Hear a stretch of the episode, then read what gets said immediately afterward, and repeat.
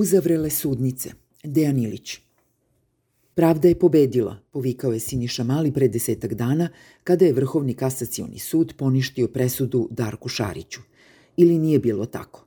Nego je Darko Šarić klicao da je pravda pobedila kada je pre par dana Upravni sud poništio odluku Univerziteta u Beogradu, to jest njegovog odbora za profesionalnu etiku, da je doktorski rad Siniše Malog plagijat.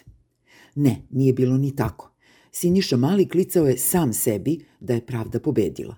Nikomu se nije pridružio, radovao se upadljivo sam. Odluke Vrhovnog kasacijonog suda i Upravnog suda o poništavanju izgledaju kao pravni blizanci. Sumnjivo se pozivajući na proceduralne propuste, obe odluke odbacuju i istinu utvrđenu u prethodnim postupcima. Kada kliče pobedničkoj pravdi, čemu Mali zaista kliče? Šta je za njega pravda? Doktorat Siniše Malog je plagijat, to je neoboriva na činjenicama utemeljena istina. Kada je doneo odluku o plagijatu Malog, odbor je očito prigrlio istinu i demonstrirao privrženost istini. Da li je to pravda kada se postupa i odlučuje u skladu sa istinom? Ne baš. Istina je neophodna za pravdu, ali pored istine potrebno je i da postupci i odluke budu pravični da bi se pravda zadovoljila. Mali tvrdi lažno da njegov rad nije plagijat – Kada kliče da je pravda pobedila, Mali u stvari hoće da kaže da se pokazalo da je on u pravu, a ne odbor. Ako je on u pravu, onda njegov rad nije plagijat.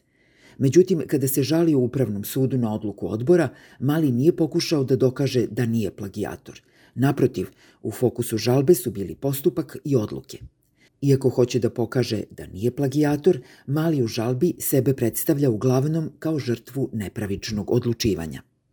Kada Upravni sud, kako se već sada ispostavlja, krajnje sumnjivo utvrdi da je postupak odbora bio manjkav, on očigledno nije utvrdio i da doktorat Malog nije plagijat. Dobivši odluku u svoju korist, Mali pak hoće da predstavi kako se baš to dogodilo, da je sud pokazao da on nije plagijator. Sud se međutim time nije bavio. Sud nije zanimala istina, zanimale su ga procedure. Što se suda tiče, Mali je i dalje plagijator, ali i kao plagijatoru mu se duguje pravičan postupak. Dobiće ga. Sud je vratio odlučivanje odboru. Univerzitet je pao na popravni. To je dobra i ujedno loša vest. Dobro je što univerzitet ima novu šansu da potvrdi svoju ispravnu odluku. Loše je što univerzitet pada na ispitima. S novim rektorom u najavi i preraspodelom snaga na univerzitetu, pitanje je kako će odbor ponovo odlučiti.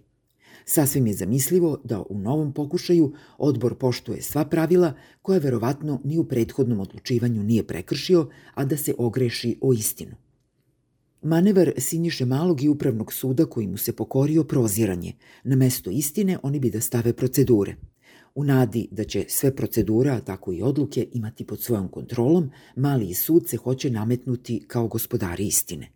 Jasno je da malom smeta istina, a ne manjkavi postupak. Međutim, protiv istine same po sebi on ne može ništa, dok postupak može kontrolisati.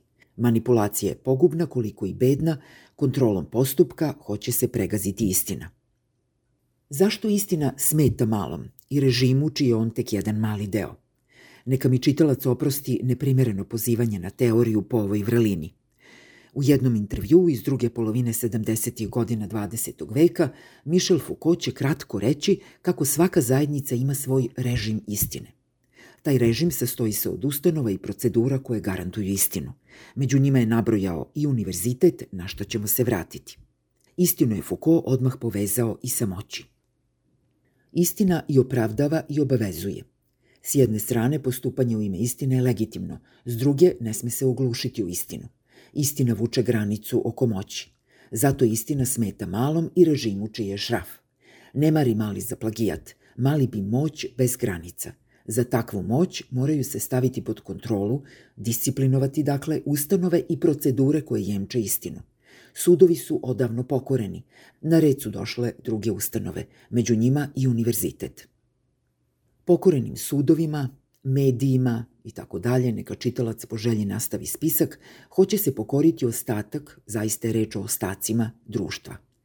Jeste, borba je neravnopravna. Režim je jači jer niko nije jači od države.